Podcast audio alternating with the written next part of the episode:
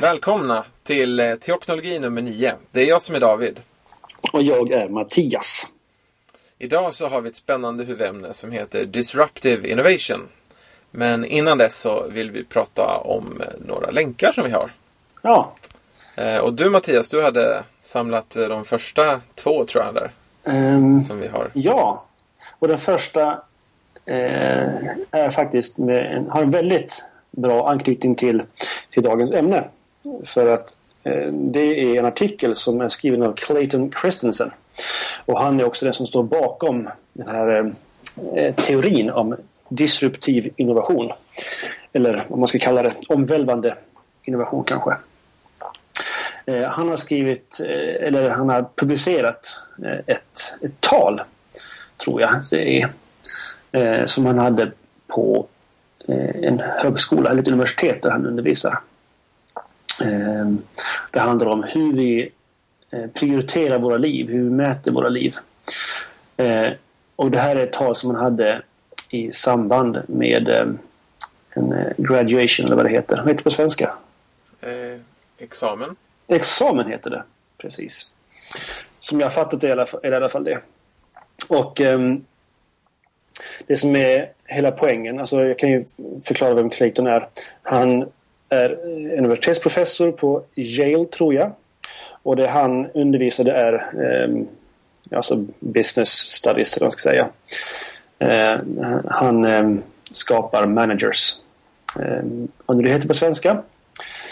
Ehm, och hela det här talet, eller den här artikeln, handlar om vad som har hänt på eh, hans, i hans kurs efter eh, den här ekonomiska krisen vi har genomlevt och fortfarande genomlever. Vad som har hänt med sättet eh, hans elever, eller studenter, ser på eh, sitt liv, sin framtid. Hur de prioriterar saker. Och jag rekommenderar att ni läser den. Mycket välskrivet. Eller vältalat. Så, nästa länk kommer från David. Jaha, ska du ta mig emellan? Mm. Ja, det tycker jag. Men då har jag en eh, länk här som jag tyckte var lite kul för den är lite dubbel. Eh, och det är en artikel, eller en, en bloggartikel som heter The 10 Happiest Jobs. Och då är inte folk som heter det i efternamn utan just arbeten. Eh, och där kommer då på första plats så står det Clergy. The least worldly are reported to be the happiest of all. Ja, Vad har vi att säga om det Mattias? det har ju varit b- brohaha i Svenska kyrkan eh, senaste två veckorna kanske. För det kom ut en, en arbetsmiljörapport som handlade om eh, eh, korttidssjukskrivningar, tror jag det var. Alltså på, på grund av depression. Och där låg eh, manliga och kvinnliga präster i topp i båda sina kategorier. Alltså de flesta, eh, den största andelen av i något yrke där man blir korttidssjukskriven på grund av depression, det är präster. Sådär. Och då var ju några eh, Seglora Smedja heter de. De var snabba ut med att säga att nu måste vi eh, korttid, eller korta arbetsveckan för präster. Vi ska vara en förebild för resten av Sverige att man ska bara jobba 30 timmar per vecka. Sådär. Nu kan vi då lyfta upp det här från Forbes och säga att ni gör fel. Det är någonting annat som ligger bakom. ja men det är väl på något vis dubbelheten i det va? Ja, Eh, Vi skojade om det eh, här hemma häromdagen. Så att, alltså, jag menar, nu, nu blir det personligt och inte statistiskt. Liksom, liksom. Men, men jag, jag är väldigt lycklig i mitt jobb på många sätt. Liksom. Jag har sagt det och jag har tänkt igenom det också efteråt. det verkar stämma fortfarande. Och det, jag kan inte komma på någon arbetsuppgift jag inte tycker om som jag har. nej. Och det, är- alltså, det är ganska få förunnat att kunna säga det. Liksom. Mm. Det- Jag, men jag kan faktiskt inte komma på någon. Jag kan komma på enstaka moment som jag kanske uppskattar mindre än andra. Men, men jag kan inte komma på någon arbetsuppgift som jag inte gillar. Jag, jag kan komma på sånt jag vill göra mer. Princip. Ja, jo precis. Men inte liksom att det är så här, åh, jag önskar att jag slapp det där. Nej. Och då ska man säga att som präst gör man mycket mer än vad man kanske tror. Alltså i alla fall på min arbetsplats. Jag eh, städar. alltså eh, man gör... Man, man är inte bara präst på det sättet som folk liksom tror att en präst är. Vi skriver inte bara predikningar och har begravningar och, och sådär. Utan det är ett, ett väldigt mångfacetterat arbete. Och kanske just därför så är det kul. Det är stimulerande på många sätt. För det är ja. som du säger att man... Ja, alltså om man nu har, ska, ska ha konfirmander en dag, liksom, ja men då får man ju se till att det finns fika till dem. Och ja. det är jag eller pedagogen som köper det. Liksom. Och det är inte nödvändigt att, nu har det varit det den senaste tiden, men det är inte, nöd, alltså det är inte självklart att det är pedagogen som köper bara Nej. för att jag har högre utbildning. Liksom. eller något sånt. Nej men det är ju inte så. Fast det kanske är det på vissa ställen, men det är inte det mm. hos oss i alla fall. Eller Nej. torka borden efter fika eller vad som helst. Liksom. Ja. Allt det där ingår ju på något sätt ändå. Ja. Eh, nu är kanske, ja Alltså det, det kanske inte är det roligaste i sig men samtidigt så kan jag på något vis ändå känna någon slags uppskattning för att det finns ett helhetstänk i det man gör. Liksom. Precis. Att, att det är från början till slut slutföra saker och ta ansvar för alla delar i, mm. i upplägget och inte bara glida in och förvänta sig att det ska finnas bullar och bananer och glass och allt liksom mm. serverat och inte så. Så det kan ju finnas en känsla för att värdera att värdera arbetet som, som också andra gör på samma ja. arbetsplats. Liksom. Den som, det slipper jag Jag slipper ju städa till exempel. Eh, det gör ju vaktmästare eller städbolag och, och jag värderar det väldigt mycket. Liksom. Det kan ja. man nog göra ändå men för mig blir det en påminnelse att själv också bidra. Liksom. Mm. Och samtidigt kanske är, det är den här multi, mångfacetterade typen av arbete som gör att folk blir deprimerade för att det är, det är många trådar att eh, hålla reda på. Mm. Och det är mycket, mycket människor som man ska eh, hålla kontakt med och, och sådär. Men den reflektion jag har gjort eh, och som jag gjorde då i, i motsats till Seglös media det är att det är inte arbetstiden framför allt tror jag. Eh, att vi har 40 timmars arbetstidsvecka. Det är inte det som är problemet. Nej. Eh, utan det är ju konflikter på arbetsplatsen. För där ligger vi, där ligger vi nog i topp tror jag. Alltså vi plågas av snällhetens tyranni. Mm. Eh, tror jag. Eller jag, jag, vi har ju läst om att vi gör det också. Men, mm. eh, alltså det finns en konflikträdsla tror jag ofta. Oh. För, för att man är rädd att man är rädd att ta tag i saker för då kanske någon blir ledsen liksom. Ja. Det är bara och det att fler blir man... mer ledsna för att man inte tar tag i det. Ja, och så går man bakom ryggen och på varandra. Mm. Och ser till att någon blir utköpt. Ja, sånt händer ju. Istället för att lösa konflikten så ser man till att eh, man, man gör sig av med konflikten. Exakt.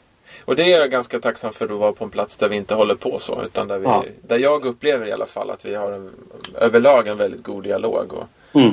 bra samtal om saker. Och det gör mm. ändå att ja, när problem uppkommer så kan man ändå finna en väg framåt. Liksom. Mm.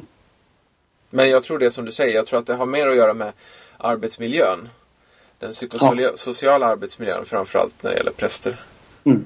Vi, vi har inte så hårt påfrestande fysisk arbetsmiljö egentligen. Det, Nej. Det, det, är mera liksom Det är mera hur människor är mot varandra som spelar roll. Ja. Sen ska det sägas att jag tror att eh, det är väldigt få präster som jobbar 40 timmar per vecka. Bara ja. Ja, bara. Mm. Det ska ju såklart sägas. Men att gå ner till 30 timmars arbetsvecka det är ju jag tror inte det är något sätt att lösa problemet. Eller det är ett sätt att lösa problemet. Men man löser inte problemet. Jag tror att man löser problemet på pappret möjligen. Mm. Som bäst. Mm. Men jag tror att i verkligheten så kommer man ändå lägga tid. Fast som man ja. inte rapporterar in då. Ja. För vi är ju väldigt hög grad ideologiskt drivna. Som präster. Och det gör ju att vi gärna gör saker för att vi tror på dem. liksom. Ja. Eh, och då då går man gärna en, en lite längre sträcka än vad man kanske gör om, om man gör något bara för att man måste. Ja, Sen precis. kan man vara nog så ideologiskt och intresserat driven i andra yrkeskategorier också. Det, inte, mm. det var inte så jag menade. Jag menar inte att förolämpa någon annan. det intressanta är ju hur den här listan fortsätter tycker jag. Mm. Eh, nummer två är brandmän. Mm. Och där kan jag ju personligen då rapportera att eh, jag har, när jag gjorde lumpen så var jag räddningsman och då jobbar man ju sån här tre eller fyra månader på brandstation. Just det, du gjorde fusklumpen, civilplikt. Ja, jag eh, gjorde en major väldigt, väldigt arg.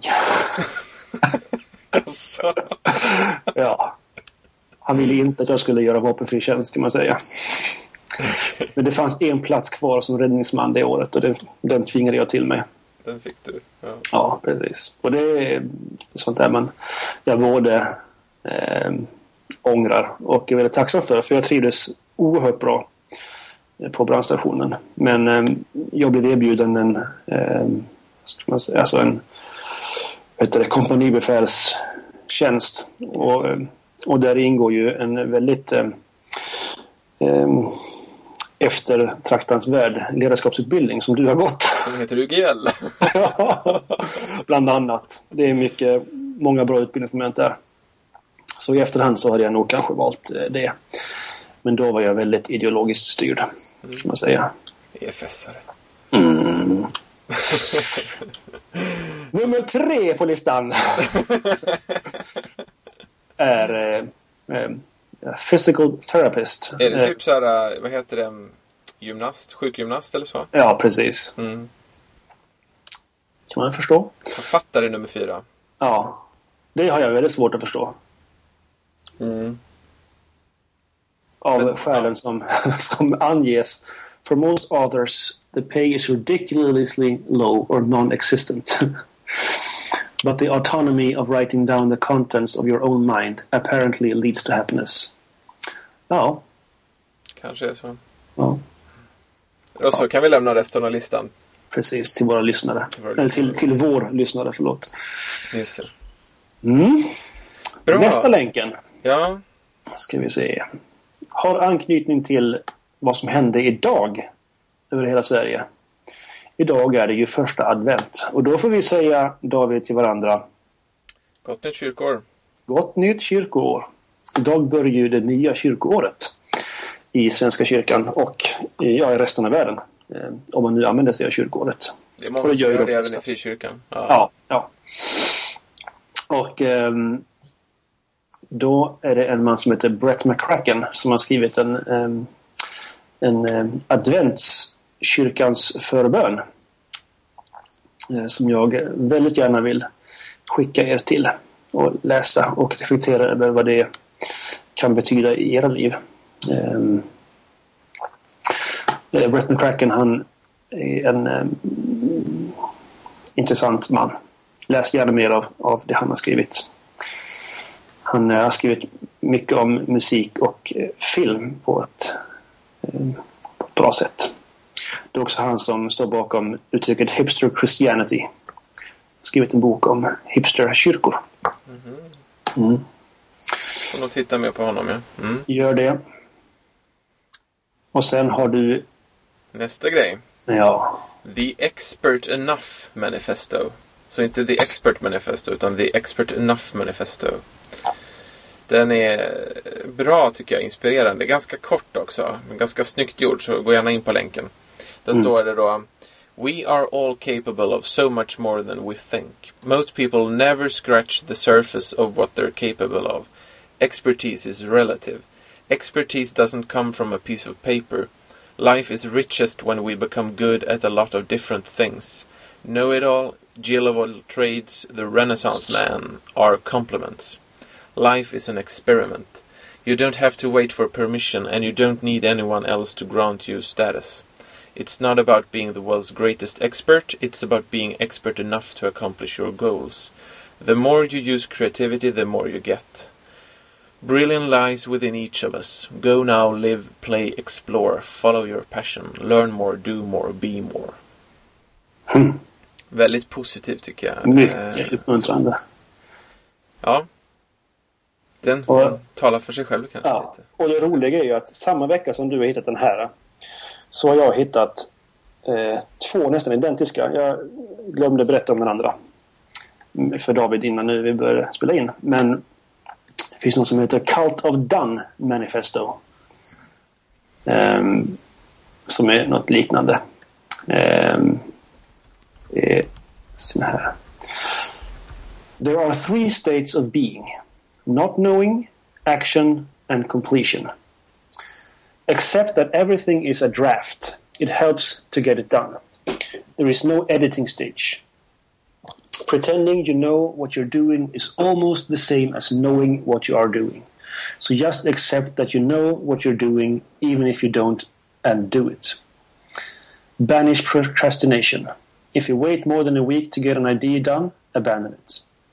The point of being done is not to finish, but to get other things done. Once you're done, you can throw it away. Laugh at perfection. It's boring and keeps you from being done.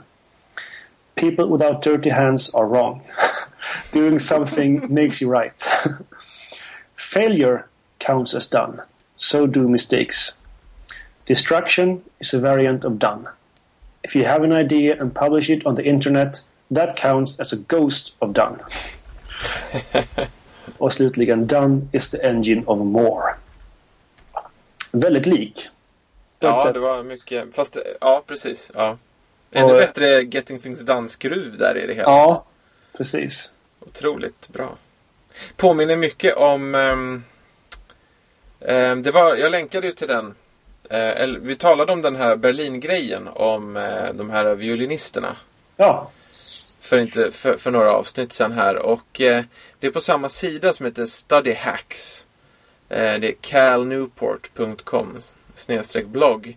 Han talar om ehm, perfectionism as practice. Steve Mm. Jobs and the art of getting good. Vi får lägga in den länken också. Eh, där han använder Steve Jobs just i det här med eh, liksom, alltså diskussionen när perfektion är det här negativa eller när perfektion är det positiva. Liksom. Mm. Beroende på vad man menar. Och där har han då sin egen eh, eller jag vet inte om det är just hans egen, men han kallar då han har sin deliberate practice hypothesis. Liksom. mm. Eh, att just eh, ja, medvetet eh, applicera. Eh, nej, nu, nu blev det bara prat. Men, nej, men alltså som, han, han betonade det bra här så jag kanske bara ska citera det. Mm. Eh,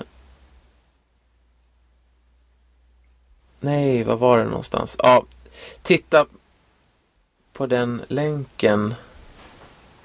Poängen är lite grann att om jag minns rätt så var väl poängen den att lite som i det här manifestot, alltså att bli hellre klar med någonting som inte är perfekt Ja, efter den tid du har satt upp liksom som deadline. ja, För poängen är inte att den enskilda saken ska bli perfekt. Utan poängen är att du ska närma dig perfektion på ett mycket större plan. mm. Lite så.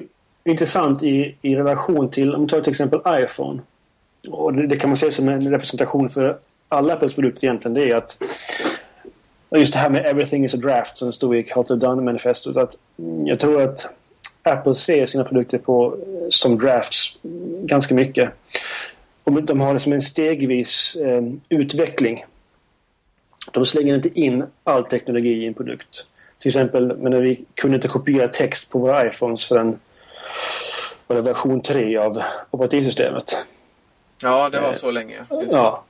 Ehm, och ehm, alltså just det här med att eh, ta bort så mycket du behöver för att resten ska kunna vara perfekt. Mm. Så det är, det är klart det är en balansgång Ja, det är en hela avvägning. tiden. Och det här har mycket med dagens ämne att göra också, ska vi Mm. avslöja. Ja, absolut. Sen hade jag ett manifest till som jag hade hittat, men det ska jag inte läsa upp. Det får ni kolla på själv. Eh, Det är en plansch man kan beställa eller googla eh, och få en högupplöst version och skriva ut själv. För den är rätt dyr. Eh, Om man nu tycker om att göra så. Jag ska kanske beställa eller skriva ut. Vi får se. Eh, Det är The Halsey Manifesto. Den påminner ganska mycket om det här första som eh, David länkar till, Expert Enough Manifesto. Kolla in det. Helt klart värt det. Lite, lite längre än Davids, tror jag att den är. Mm. Men väl väl. Eh, Men väl värd att läsa. Sen hade vi... Hade vi någon? Nej, det är slut på länkar. Mm. Jag tror att det tog slut där. Mm. Mm. Nu ska jag bara ta fram show till det. Men det gör inget, för det kommer fler. ja. för nu var huvudämnet Disruptive Innovation. ja. Ehm, och det kom av att du hade lyssnat på de här, eh, den här podden Critical Path som vi också kan länka till. Ja. Där det hade kommit upp. Och sen har vi båda gjort vår hemläxa, nämligen läst på Wikipedia.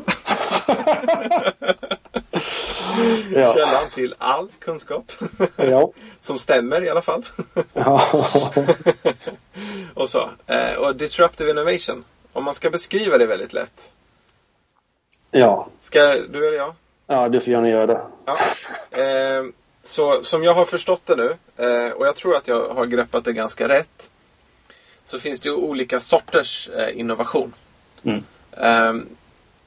Och det finns två grundtyper. Den ena är sustaining innovation. Alltså Mm. det som, ja. Ehm, och i förklaringen är då alltså innovation som inte påverkar marknader som redan finns då. Mm. Eller disruptive innovation. Men under sustaining finns det två underkategorier. Och, den ena, och de är ganska logiska. Den ena är evolutionär. Alltså en innovation som liksom förbättrar en produkt som redan finns.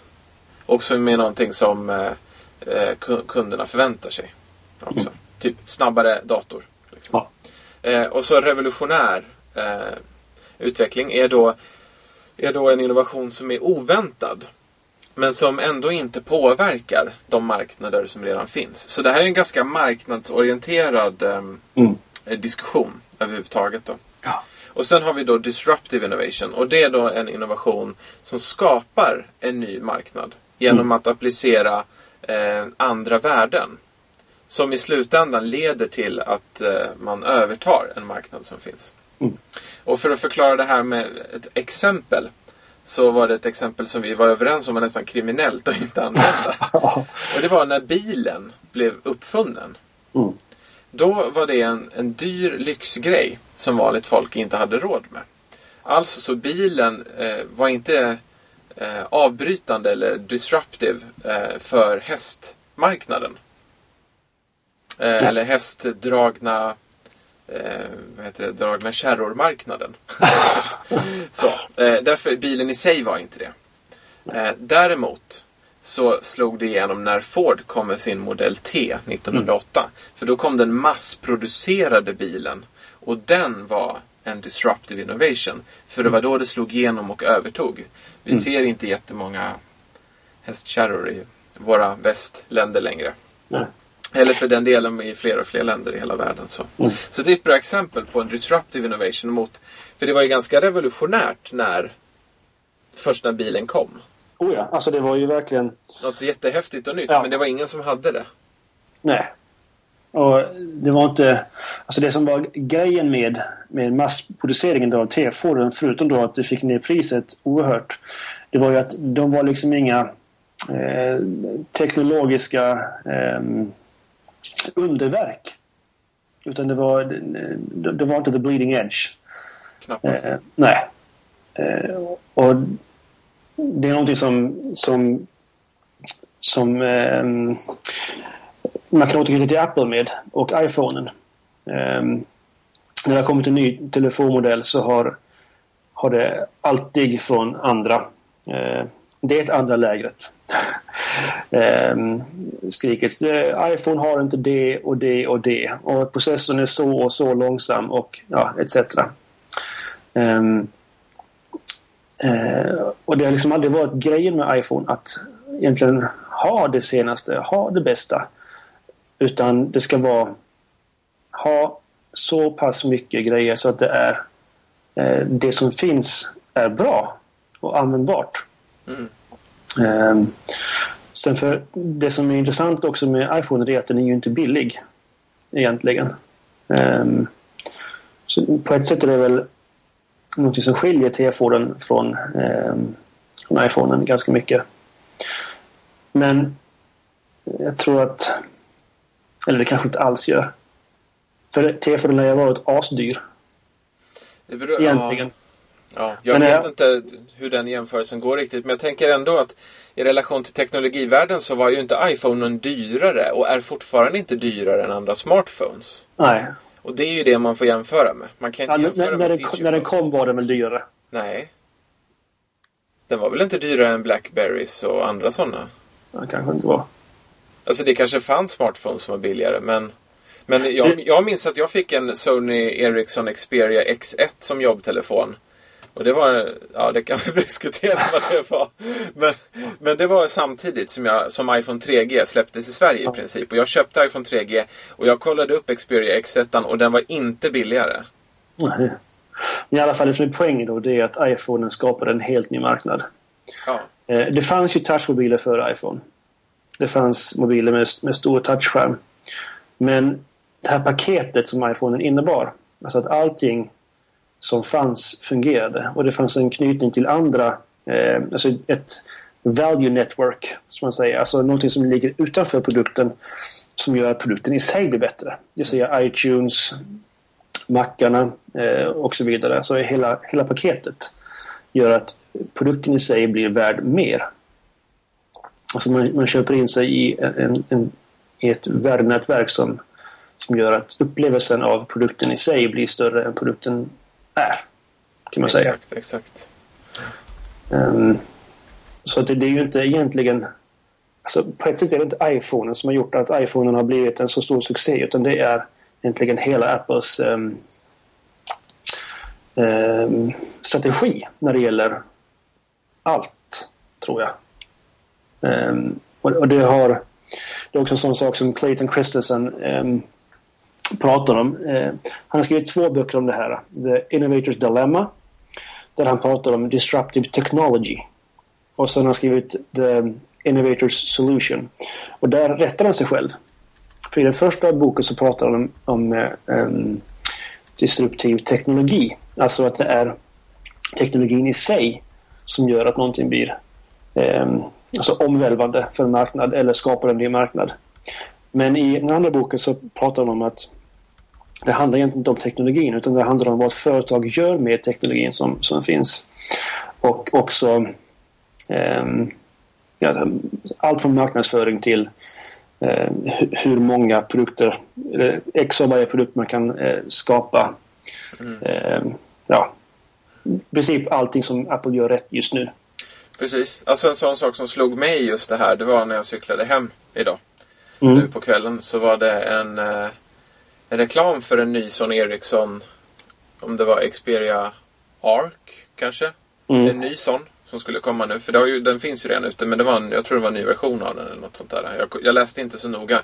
Den var väldigt snygg. Det var en snygg design och, en snygg reklam så. Men så stod det där. Jag hann inte se allt för jag cyklade liksom förbi. Men, men det stod bland annat snabbare processor.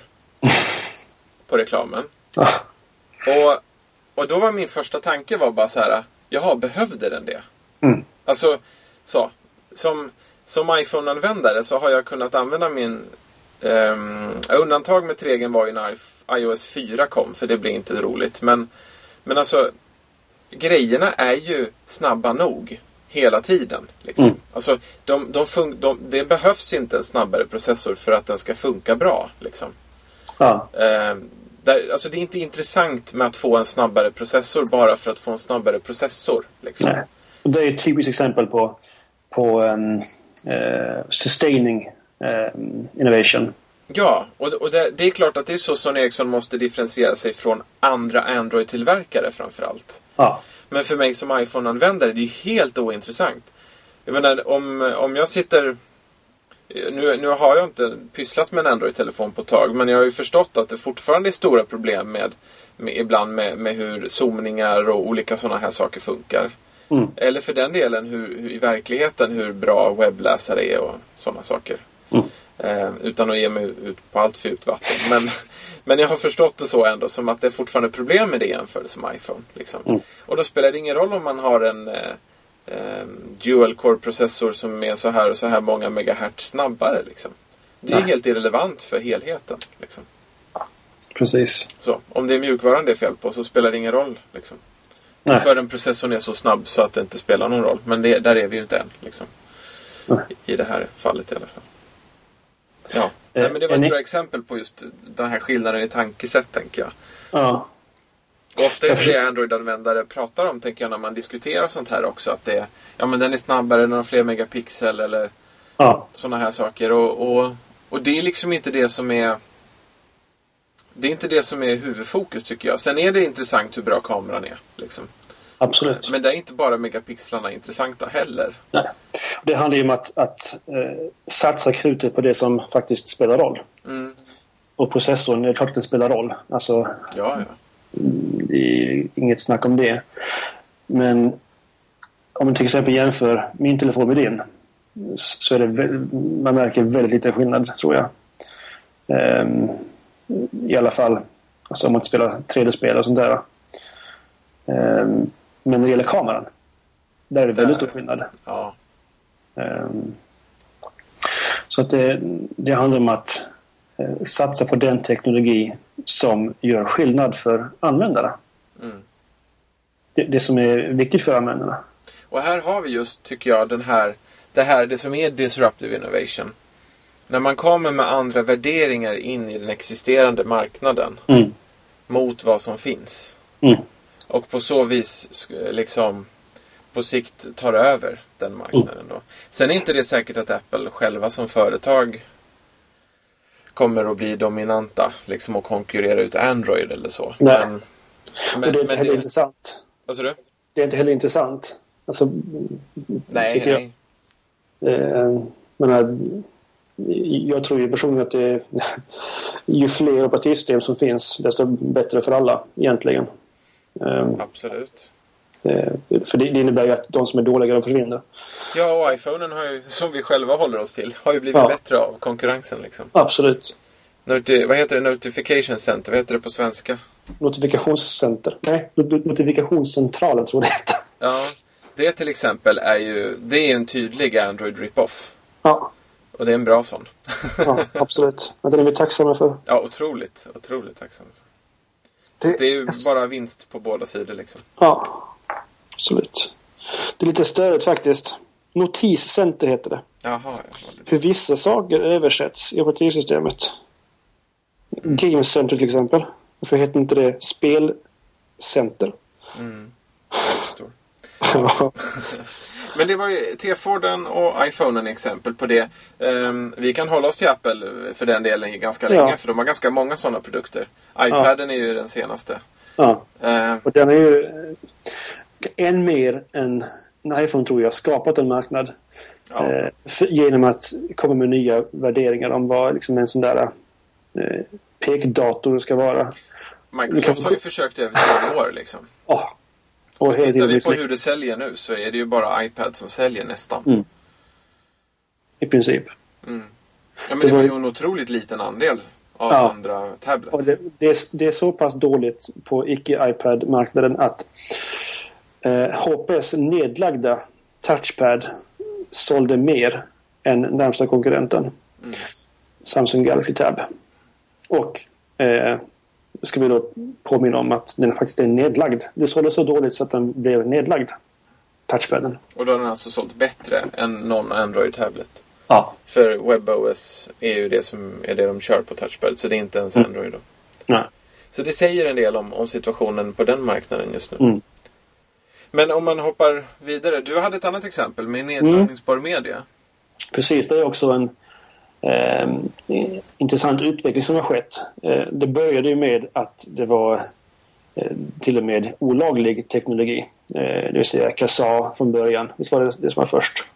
Napster var väl det som... Napster, visst ja. Napster, Kazaa fanns och så LimeWire, DC++. Alltså sätt att komma över media som var ehm, eh, ja, inte sågs med blida ögon av marknaden men, men verkligen var cutting edge. Det var ju skithäftigt. Um, och många försöker sig på att um, utnyttja den här trenden med nedladdning på media och misslyckades om och om igen. Uh, kommer ihåg att jag min första MP3-spelare var en sån här Creative Zen. En X köpte jag. Uh, och, sen så, och den gick sönder så fick jag en, en sen Extra. Och så fick jag en sen Touch och till den kunde man eh, köpa musik. Och då var det sån här eh, Microsoft eh, Windows Media Player Plays for Sure. hette de musikfilerna man kunde... Eller det var alltså VMA-filer som man kunde köpa med eh, eh kopieringsskydd. Det slog inte alls. Eh, Rhapsody försökte på sig. Eh, nyllades på musik. Slog inte alls. En na- laglig Napster-variant fanns ju ett tag. Och finns fortfarande kvar tror jag. Med streaming. Det har inte alls slått. Och det var ju inte förrän Apple började sälja musik i iTunes som det blev en marknad. Eh, och det var ju dels på grund av att det fanns iPods. Det fanns många, många, många sålda iPods som kunde spela upp musiken. Du hade ett mycket mer eh, generöst kopieringsskydd. Du kunde spela upp till musik på fem enheter. Du kunde bränna, eh, skapa spellistor och bränna dem på CD-skiva. Ingen annan som eh, man kunde göra med. Ehm, så det var många, många faktorer som gjorde att, att iTunes slog. Förutom då att det var ett mycket större utbud av musik förstås. Och sen har ju då Amazon kommit. De är väl rätt stora på det nu för tiden. De är stora. Och Spotify och mm. sådär har ju också Precis. kommit på senare tid. Mm.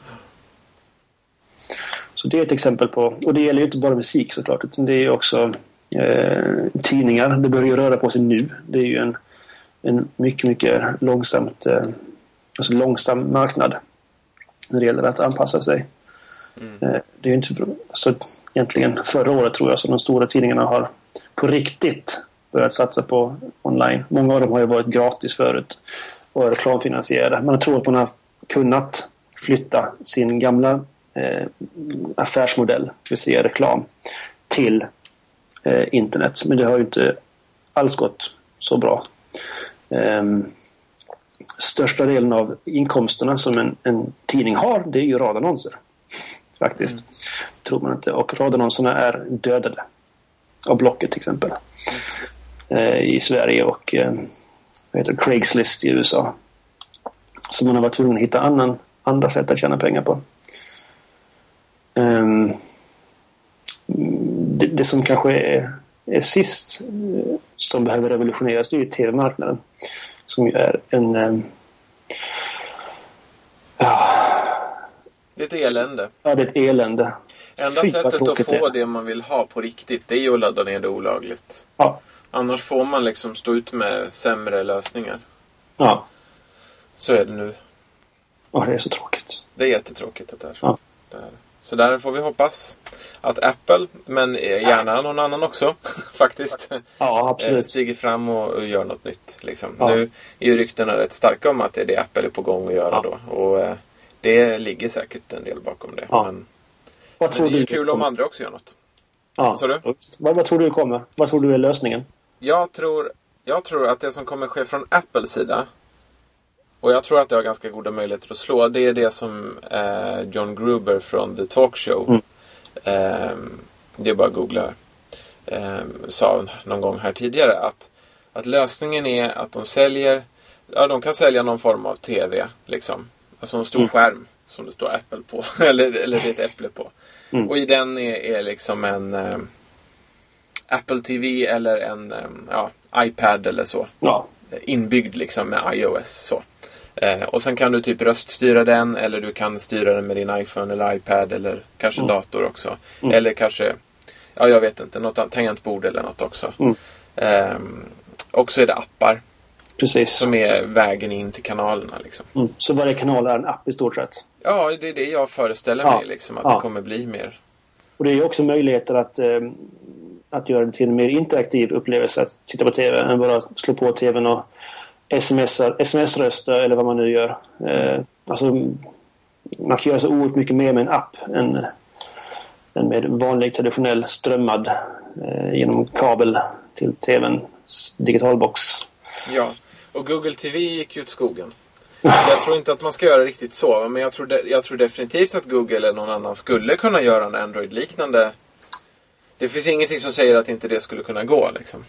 Nej, förutom att de har en, en affärsmodell som kanske inte ligger i de intressena som eh, programnätverken har. Alltså det är ju reklam. Google kommer ju inte satsa på någonting som inte ger reklamintäkter. Och det är ju kon direkt konkurrens med, med eh, tv-nätverken. Som, som ju också lever på reklamintäkter. Så är det. Men så jag tror inte att... En, en tv-tillverkare, typ? Ja, absolut. Eh, ja, och det ser vi, vi ser ju inte... Sony. Samsung har ju redan på gång. Och Sony också. Mm. Jo, det finns mm. webbgrejer inbyggda ja. mer och mer i tv-apparater. Det gör det Så det är ju det det kommer bli på något sätt. Ja, absolut. Och det är bra. det är bara bra. Ja. Det var ju största depressionen jag hade när vi skulle flytta. Det var ju att vi var tvungna att flytta från Comhem. För vi, eh, vi har ju en inbyggd digitalbox i tvn för HD mottagning. Och eh, det är bara kom hem och boxer som stöder det. Och boxer är jag inte intresserad av överhuvudtaget. Så nu fick vi en digitalbox från Telia. Och det är en sorglig affär. Jaha, ja. Och den, det är inte en box liksom? Det är inte Det är en box, det är inte ett kort. Ugh. Det är hyfsad kvalitet på sändningarna ska jag säga. Mm. Eh, Det är det. Men... Uh, det är en fjärrkontroll till. Det är en till manik som står och låter. Och så eh, måste du byta källa på tvn. Ugh, Ja, det är inget det, kul. var, alltså, det var jobbigt. Nog om det. Mm. Vi ska inte deppa ihop totalt där. Nej, det, det finns en ljusning i framtiden. Ja, precis. Så där, en, ja, jag tror vi har beskrivit ganska väl tror jag vad en, en disruptiv innovation är. Mm. Ehm, om våra läsare har några fler exempel som kanske är bättre än de vi har gett så får ni väldigt gärna, eller lyssnare, så får ni väldigt gärna dela med er av dem. Eller om ni har liksom tankar om vad vi har sagt Absolut. så får ni väldigt gärna tycka annorlunda än vad vi gör. Och nu, Hellre annorlunda än eh, tycka som vi gör. tyck som du vill. Mm. Och nu skulle vi ge oss på här, eh, som vi har- gjort någon gång tidigare också, att vi ska se hur vi kan överföra den här, det här konceptet till andra områden. Ja. Och då är det kyrka. Mm. Och där funderar vi på kanske... Alltså trenden i kyrkan idag är ju eh, både positiv och negativ. Ur eh, medlemshållet eh, sett så är det ju en, en svagt... En, en, alltså en negativ trend. Det är en trend som håller på att vändas långsamt. Eh, alltså nedgången är, är, är flackare idag än den var för tre år sedan. Ja, precis. Det är färre som går ur. Ja, Ja. precis. Och det är ju positivt, kanske. Jag tror det. Um, ursäkta. Men eh, det finns en annan positiv trend och det är att det blir mer... ehm, så de som är medlemmar tror jag engagerar sig mer. Så det är en, en, en dubbeltrend. Men intressant är att titta på vad som har påverkat kyrkan på ett disruptivt sätt. Det vill säga, vad har hämmat kyrkan eh, på olika sätt genom historien och kanske framförallt idag. Ehm, och historiskt, vad finns det för exempel där? Ehm, Ja, vi kan Ja. ju ta Martin Luther, reformationen. ja. Det var ju destruktivt, eh, destruktivt för vad han gjorde var just att applicera andra värderingar. Ja. Han var inte först med det. Han var inte den första med att översätta Bibeln till eh, lokalt språk. Nej. Han var inte först med att verka för reformation heller. Det fanns andra före honom. Men det var ändå med honom det slog igenom och då slog det igenom väldigt stort. Mm. Och det hade att göra... Vad, vad händer hos dig? För det låter jättehögt. Jaha, förlåt. Jag tog fram en grej på skrivbordet. Okej. Eh, nej men eh, så. Så att det har ju påverkat jättemycket. Och där tror jag att för honom var det flera saker. Liksom, kanske fler än vad jag kommer på nu. Men det slog mig också att tryckpressen var ganska ny. Ja, Och spridd. Vilket gjorde att hans 95 teser, de spreds över hela Tyskland på två veckor. Mm. Eh, och det är ju ett bra exempel på just när, när de här uh, olika saker sammanfaller. Liksom. Mm. Men hans idé var egentligen inte... Alltså det är klart mycket var hans, men, men, men det var, han var inte helt ny. Det var inte helt nya tankar. Liksom. Han var inte allra först med att tänka Nej. allt. Liksom. Så. utan det, det, handlar om hur han använde den teknologi som fanns. Helt enkelt. Ja, både det och eh, liksom, säkert kombination av en del andra saker också. Ja, Just det var ju mycket, mycket här- politik såklart. Ja, precis. Och just som det här är, liksom i Disruptive Innovation-artikeln på Wikipedia beskriver med just liksom andra eh, liksom, eh, nätverk av värderingar så att säga. Mm. Alltså vad, ja, så. Och det, och det ledde liksom till, till att det fick så stor, otroligt stor påverkan. Och sen påverkar väl det också att det kanske inte var den katolska kyrkans stoltaste del av historien heller just Nej. då. Liksom. Och sen handlar, så jag tänker också att det handlar väldigt mycket om eh, att han... Alltså, eh, det han förändrade, eller var med att, att få förändra, det var ju alltid i relation till alltså, slutkund, till församlingarna. Liksom. Det handlar om att demokratisera tron. Eh, och eh, alltså, göra det till folkets på något sätt. Mm. Så att det, det handlar om de behov som fanns. Eh, det handlar inte om... Eh, alltså han var ju väldigt eh, ut, välutbildad. Eh, Martin Luther. Men det handlade inte framförallt om att ge folket välformulerade teologiska eh, avhandlingar. Utan det handlade om att faktiskt göra så att tron fick genomslag i deras liv. Ehm, det vill säga att eh, om man skulle föra tillbaka på företagstänket att det handlar inte om att ha det senaste, det, det bästa etc. Utan det handlar om att ha det som faktiskt funkar. Eh, och det som gör en skillnad i människors liv. Mm. Fler exempel? Franciscus. Ja. Det är längre tillbaka. Ja. Hela klosterrörelsen. Ja, klosterrörelsen också för den delen, absolut. Men det har ju gått i, i vågor liksom. Mm. Sådär. Men om bara, du kan ju redogöra för det, men jag kan ju ta Franciscus då bara kort. Mm. Um, han var ju rikemansson. Levde ett uh, över, jag kan inte exakt, men, men han levde ett överflödande liv. Um, festade vilt och, och levde rumlan dumlan sådär. Mm. Uh, och vad var det han var med om sen? Var det hans omvändelseupplevelse? Minns jag inte. Jag sitter här och funderar. Det är ju pinsamt. Det, det, det... Jag har, om jag har en svåger som lyssnar på det här nu så kommer han att banna mig hårt. Ja, jag förstår det. Jag känner mig lite bortgjord själv också. Borde ha kollat upp det här innan. Eller så. Ja, skitsamma i alla fall. Ja. Eh, det är bara att googla. jag gör det nu. Ja, gör det nu. Bra. Men jag beskriver resten då. Men vad som händer är i alla fall att han avsäger sig allting ju. Ja. Han avsäger sig liksom rikedom, han avsäger sig, jag tror, arv och allting och lever, lever fattigt liksom. Så han går in i ett fattig, frivilligt går in i ett fattigdomsideal. Ja. Eh, och, och blir ett verktyg för att reformera kyrkan inifrån. Ja. Eh, liksom för, för den klosterrörelse som, ja. som han då liksom är, är startpunkten för. Mm. Eh, och som leder till att människor får, får en ny... Ja, det blir andra värderingar allting fanns i den kristna tron redan men det blir andra, en annan uppsättning av värderingar som tillsammans i kombination med hur situationen såg ut liksom, mm. får, får ett särskilt genomslag. Han togs till fånga. Var det så då? I ett år var han i fängelse. Eh, och hade en, en långvarig konvalescenstid. Eh, han var mycket ute i naturen. Och sen så åkte han på korståg. Um, och bla bla bla bla bla. Precis. Och han... Det var där han började då. Um, så det här, det här med fattighet, fattigdomsidealet det kom där i samband med det. Han kom tillbaks. Han, fick, han blev hemskickad för han blev sjuk. På korståget. Och där, vid det återvändandet så skedde detta. Mm. Du hade, var det klosterrörelsen du tänkte på överlag överhuvudtaget? Ja, alltså hur... Alltså klosterrörelsen... Det fanns ju eh, munkar innan klosterrörelsen. Det var ju de här, till exempel ökenfäderna, ökenmödrarna. De var ju munkar och nunnor.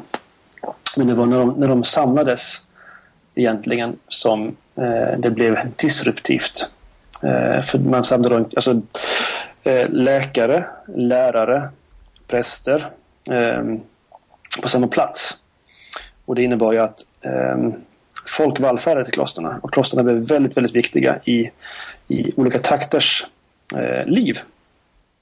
Ehm, och samtidigt kunde nog nämnas att eh, hade vi inte haft kloster i Europa under medeltiden så hade en väldigt stor del av världslitteraturen förmodligen försvunnit. Som hade bibliotek på läroplatserna i, vad heter det, i skolorna på klosterna. Mm. Och universiteten som klostren ja, startade. precis. Så att det var ju sjukhus och utbildning. Det är i princip på grund av klostren som vi fick det. När vi fick det. Och det får ju nog ses som disruptivt på flera nivåer kanske. Mm. Um, så det är nog ett bra exempel ur kyrkans perspektiv. Men också världens förstås, för det har påverkat väldigt mycket. Um, ja, det kanske räcker med historiskt. Ja, det gör väl det. Va? Nu har vi ja. tagit några. Ja. ja, precis. Pliktskyldigt. Idag dock. Vad är, verkar disruptivt på kyrkan idag? Och en sak eh, är sånt som du och jag har skrivit uppsats om. Eh, det postmoderna samhället Mm. har påverkat eh, kyrkan på ett disruptivt sätt. Eh, också eh, en sån sak som kyrkan har själv använt på ett disruptivt sätt eh, till viss mån får man säga. Eh, tänker på Emerging Church som ju har fått vara en, en vitamininjektion i många sammanhang. Eh, som ju faktiskt tar det postmoderna samhället på stort, stort allvar. Ehm, Och det, det, det är ju ett bra exempel på just ett nätverk av andra värderingar än vad som Ja. kanske har varit i fokus tidigare. Precis. Vi får nog länka till en artikel på Wikipedia såklart om Emerging Church. Det kan nog vara klokt. Eh, väldigt kortfattat så är ju liksom ehm, det mer moderna perspektivet handlar ju väldigt mycket om tilltron till människans utveckling och det ständigt goda. Eh, alltså att det ska bli mer gott. Liksom. Och att vetenskapen ska frälsa oss. Ja, precis. Så att vi, vi går mot en ljusare framtid med mindre Mm. fördomar. Vi blir mer rationella och förnuftiga. Mm. Och, och för många blir det också mindre religion då. Mm. Eh, och i själva verket så, så har man ju då upptäckt på 1900-talet att ehm, vi var så otroligt upplysta och tekniskt kunniga och ändå hade vi två världskrig då. Mm. Och en hel del annat elände. Och därför så har människor inte samma tilltro till eh, ehm, auktoriteter och inte samma tilltro till den mänskliga rasen eller för den delen vetenskapen. Mm. På det, inte på det sättet liksom. Nej. Så. Och det är väl det som för många kallas för postmodernism. Mm. I alla fall i kulturell bemärkelse. Ja. Men sen finns det ju annat också i det såklart. Eh, och ihop med det här hänger ju nyateismen eh, också, får man säga. Så vill du säga eh, humanisterna. Det är också en disruptiv kraft. Till viss del kanske. Jag tror att de, de önskade att de var mer disruptiva än vad de faktiskt är. Ja, Mm. jag tror mycket av dem... Alltså, jag tror att mycket av dem handlar om att de är, en de är reaktionära i relation till, till ehm, Till det postmoderna. Ja, i hög grad till det postmoderna. Eh, men de vill ju ha de vill ju ha den, den eh, postmoderna, lite ljumma människan. Som, Mm. som inte, vi kanske visserligen inte har gått ur Svenska kyrkan eller tagit väldigt aktiv ställning mot religion. Eh, men, men, men inte heller för. Liksom. Eh, Mm. De vill man gärna nå för att de ska bli aktiva mot. Ja, de som inte har funderat så mycket också kanske. Ja, Alltså som oreflekterat hänger ihop med kyrkan på ett eller annat sätt. Ja men precis. Så man vill liksom väcka dem så. Eh, genom att vara väldigt reaktionära och måla upp fienden som ja, som Satan själv liksom. Ja. Så. Problemet är bara ju- att man inte ja. har så mycket trovärdighet i det. För väldigt många människor. Nej. Och där kan man ju se en, en möjlighet för, för kyrkan att vara själv en disruptiv kraft. Mm. Att, att väcka de medlemmar eller som, som är kanske mer passivt medlemmar i Svenska kyrkan. Att, eh, att egentligen göra så som, som humanisterna gör. Fast till ens egen fördel. Och det försöker vi såklart. På de orter där vi finns. Ja, Mer eller mindre lyckat såklart. men sen är ju frågan om man vill göra som humanisterna gör och vara Nej, man vill ju inte vara aggressiv mot ministrarna. Men alltså, det, det jag menar är att man ska ehm, väcka människors intresse för kyrkan på ett annat sätt. mm. Eh, och det gör ju humanisterna. Eh, I och med att de faktiskt eh, för det här samtalet. Just det. Och jag tror att vi där kan sätta fingret på, på saker eh, och verka då på ett disruptivt sätt själva. Mm. Genom våra församlingar. Både, både liksom Både som församlingsbo och eh, som anställd. Jag tror att vi behövs alla liksom i det. Mm. Att eh, vi applicerar ett annat värdesystem än det som just nu är gällande. Mm. Ehm, för men, jag tror människor jag tror, jag upplever i alla fall eh, både i mitt eget liv och jag upplever det i samtal med andra och i mötet med andra och när jag läser om andra att det finns mycket tomhet idag. Mm. Det är tomhet i relationer. Man, Eh, dels därför att man har kanske inte så mycket relationer på, eller man har många ytliga relationer. Så. Eh, men man känner inte grannen som man bor bredvid. Man är knuten till sina olika nätverk liksom. Och relationerna blir inte djupa och autentiska alltid. Och, och sen kan det också vara att vi handlar mycket. Konsumism av olika slag. Vi kan konsumera relationer också. Och mm. Andra sådana saker. Vi springer från sak till sak för att finna tröst, för att finna mening, för att finna hjälp. Ehm, det finns många sådana saker tror jag i vårt samhälle. Och i kyrkan så har vi så har vi liksom eh, både värderingarna och grunden för att visa på ett annat samhälle. Mm. Ett alternativ. Mm. Och det kan ju ta sig uttryck i hur vi firar gudstjänst till exempel. Och bygger gemenskap i den och kring den. Ja. Och det, alltså det intressanta är ju hur, alltså hur, hur kyrkan kan använda sin historia på något sätt för att eh, verka disruptivt. Eh, vi kan ta exempel på, eh, på det. Det finns två församlingar i Sverige som inom kyrkligt har lyfts upp som modellförsamlingar på, på många sätt, för de växer. Både i antal medlemmar men kanske framförallt i hur många som engagerar sig i, i kyrkans liv på den plats där de finns. Och det är Helgeandskyrkan i Lund. En liten betongkyrka. Och Allhelgonakyrkan i Stockholm. Där man i princip eh, arbetar med en sak och det är högmässan. Det vill säga vår vanligaste eh, gudstjänst i Svenska kyrkan. Inte den häftigaste eh, gudstjänsten alls ur kanske världens perspektiv. Men eh, eh, den är enkel på många sätt. Det är samma ordning varje söndag. Det är eh, eh samma innehåll.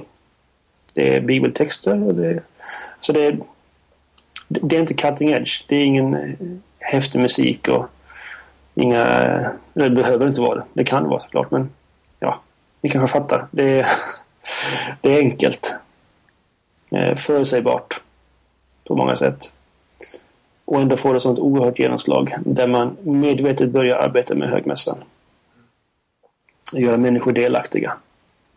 Hela tiden anknyter till församlingen. Hur gör det här församlingen mer delaktig, mer involverade med sitt liv i kyrkans liv. Mm.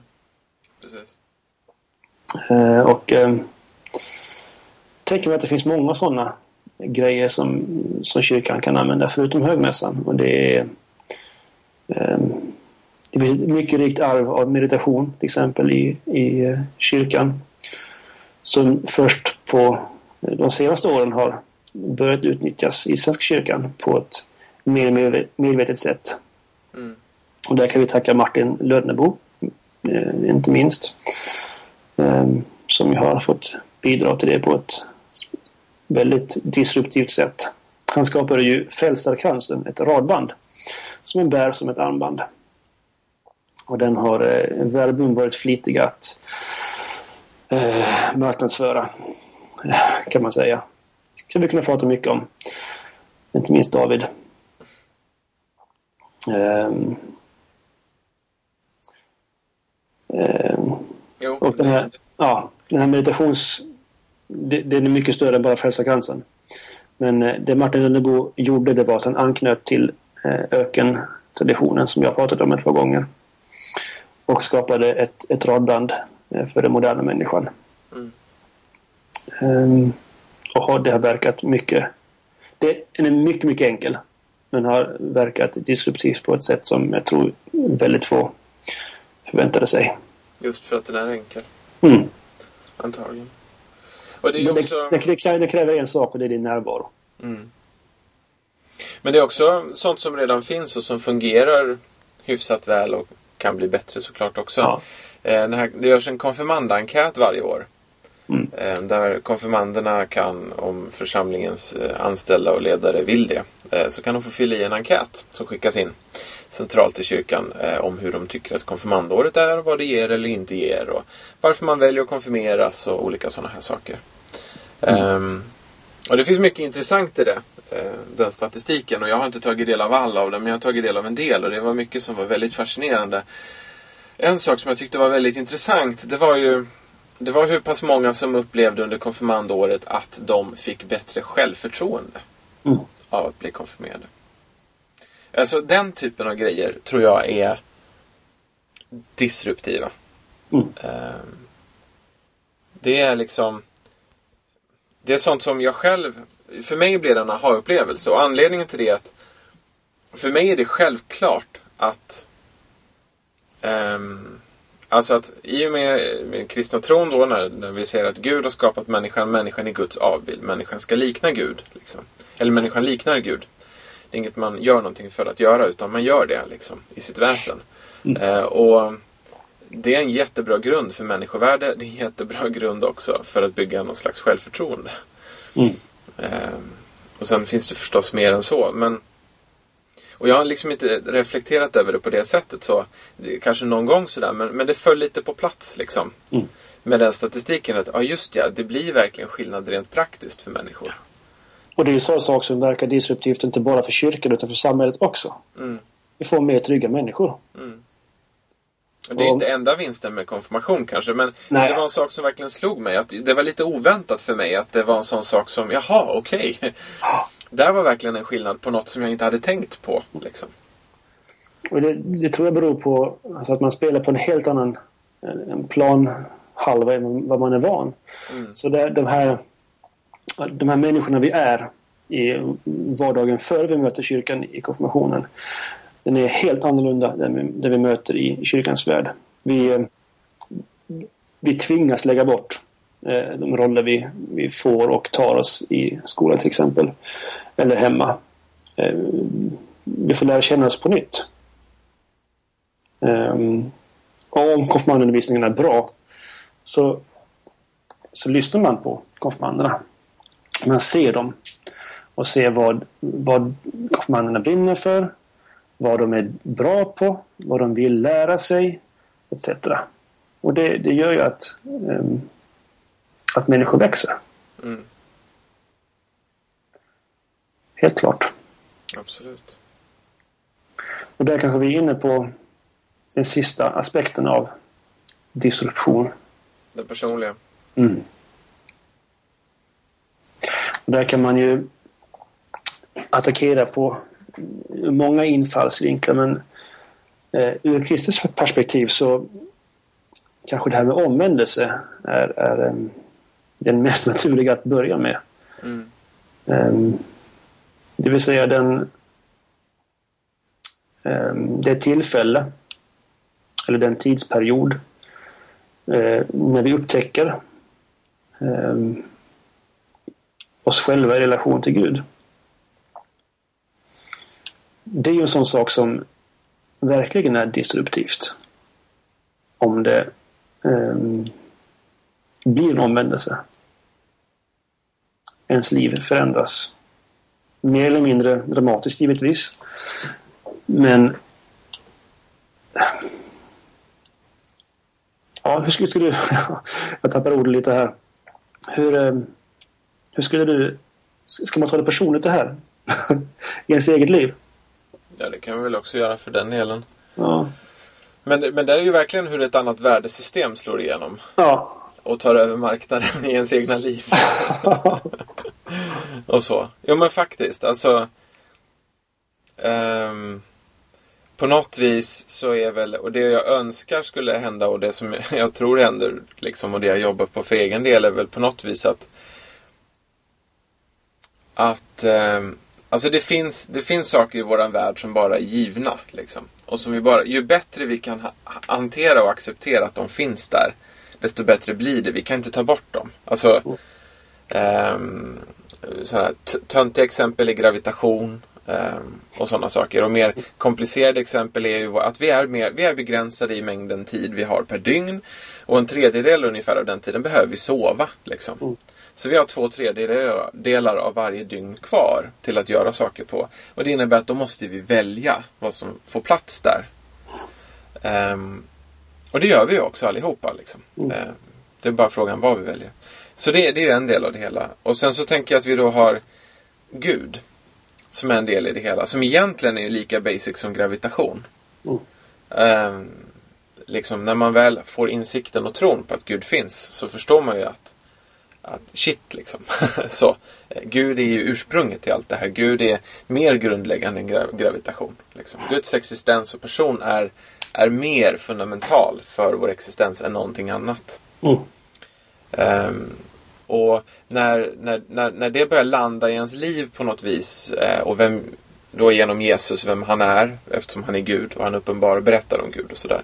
Så leder ju det till till någonting väldigt disruptivt. Eh, kanske första gången man överhuvudtaget hör det här eller förstår det här. Liksom. Mm. Men också gång på gång i, i ens liv när, när Jesus värderingar och det som, det som Gud visar på genom Bibeln och genom kyrkan och ja, de här sakerna som vi också har lyft upp med klosterrörelser och meditation och Mm. olika saker. Ehm, och gudstjänstfirande och sådär.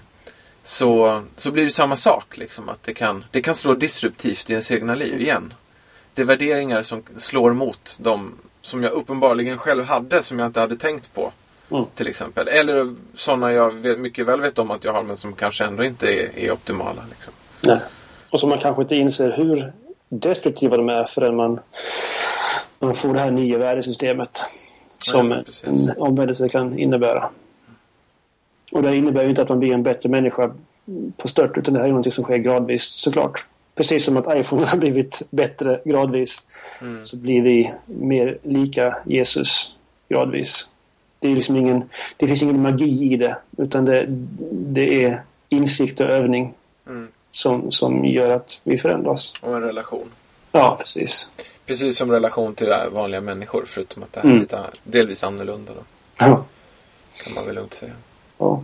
Jo men så är det. Och det är inte heller per automatik så att kristna blir bättre än andra människor. Liksom. Det är ju mm, så väldigt uppenbart tydligt. Mm. Vi är alla fortfarande människor och väldigt många människor som aldrig skulle kalla sig kristna kämpar ju dagligen med att bli en bättre människa. Liksom. Mm. Eh, så på det viset så, så blir det inte eh, så- stor skillnad till det yttre med nödvändighet heller. Liksom. Det finns ju jättemånga jättegoda människor som inte har varit eller är kristna. Mm. Och det är många människor som inte som upplever en liknande dis- disruption, alltså liknande omvändelsen i, relation till andra trossystem ehm, och åsiktskomplex. Ehm, nu pratar vi ju i kyrkans perspektiv i och med att vi råkar vara präster då. Ehm, så vi, vi, vi säger inte att, att det här inte finns i andra sammanhang såklart. Men om man ska ta det lite personligt så är ju jag är ju uppvuxen med två föräldrar som är präster. Så för min del har det här ju varit liksom en, en disruption på... Jag vet inte, det här kanske nog mer har varit en, en eh, vad heter det, sustaining. På något sätt. Mm. Sustaining innovation. Kanske. Jag vet inte. Frågan är om man kan prata i termer av disruption. Ehm, Värderingar som krockar med det. ja, ja, jo. Omvändelsen är ju ingenting som händer en gång utan det är ju som Martin Luther talar om, en daglig omvändelse. Alltså en ständigt pågående. Så i den meningen är det ju såklart disruptivt. Um, någonting som sker gradvis. Um, ja. Det är väl också något som är att kämpa för. Alltså, eh, 1500-talstermen daglig omvändelse är alldeles utmärkt. Liksom. Den kanske inte är 1500-tal heller, men det är Ja. så vi kopplar det i alla fall. ja. Eh, och disruptiva, eh, ja, disruptiv innovation eller kanske insikt då i vårt fall. Mm. Ehm, handlar ju lite om samma sak där. Alltså just att ehm, just att kanske inte inte att hela ens värderingssystem med allt man tror på är riktigt och rätt ska kastas om hela tiden. Nej. Eh, utan snarare när liksom iterera över samma samma produkt så att säga. Samma, Mm. samma sak. Mm. Förfina, förbättra. Precis som copy-paste kom. Eh, liksom. Till version 3 var det väl. Ja. Och så. Så, är- så är det samma sak med våra egna liv på något vis. Att, Mm. Att vi får iterera över våra ageranden, över våra mönster, över hur vi agerar, hur vi är. Hur vi tänker, både om Gud och om andra, om oss själva. Liksom. Mm. Och mogna i det. Och, eh, be Gud om hjälp och förlåtelse och andra människor också. Mm.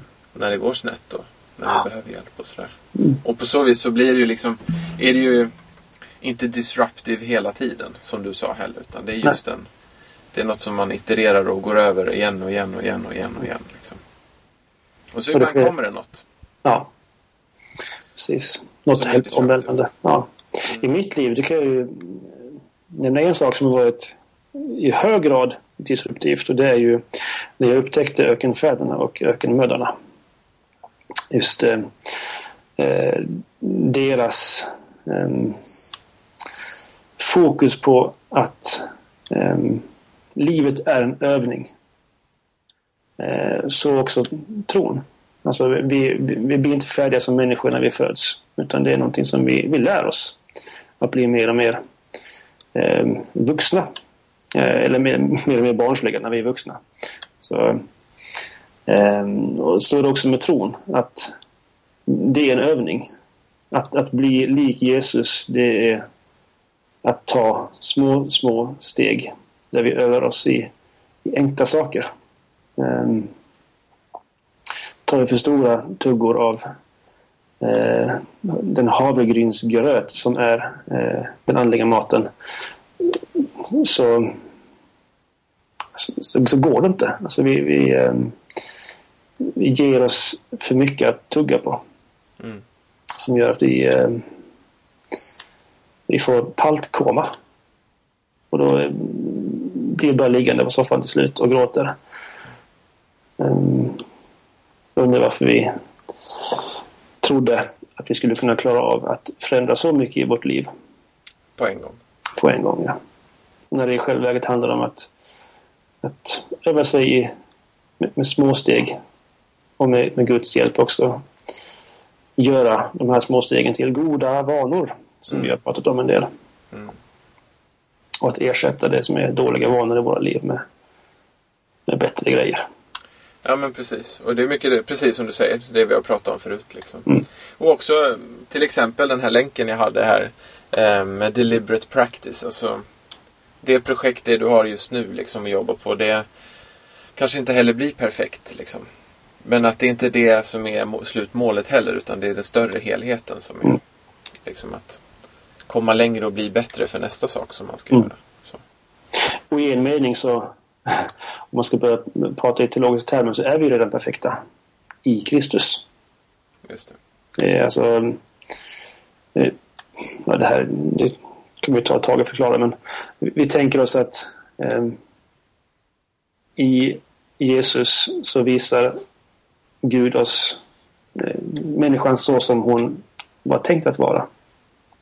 Eh, och när vi väljer att ge våra liv till Gud så får vi del av Jesus liv.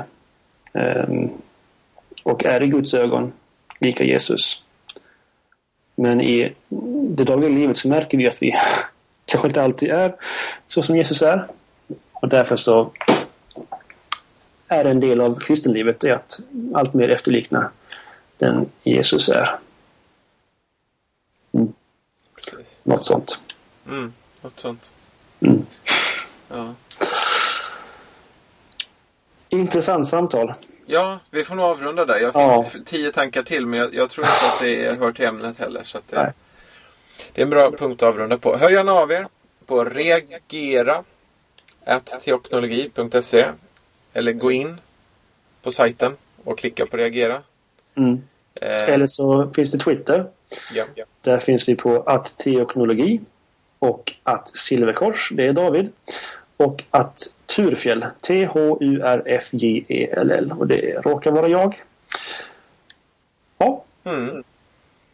Och med det så får vi tacka så hemskt mycket. Och gå gärna in på iTunes och ge oss en femma och skriv något snällt men sant. ja, Om du uppskattar det här förstås. Ja. ja precis. Uppskattar du inte vårt samtal så får du väldigt gärna höra av dig också. ja, absolut. Det växer vi av. Det gör vi. Tack för den här Tills veckan. dess säger vi hej då! Hej då.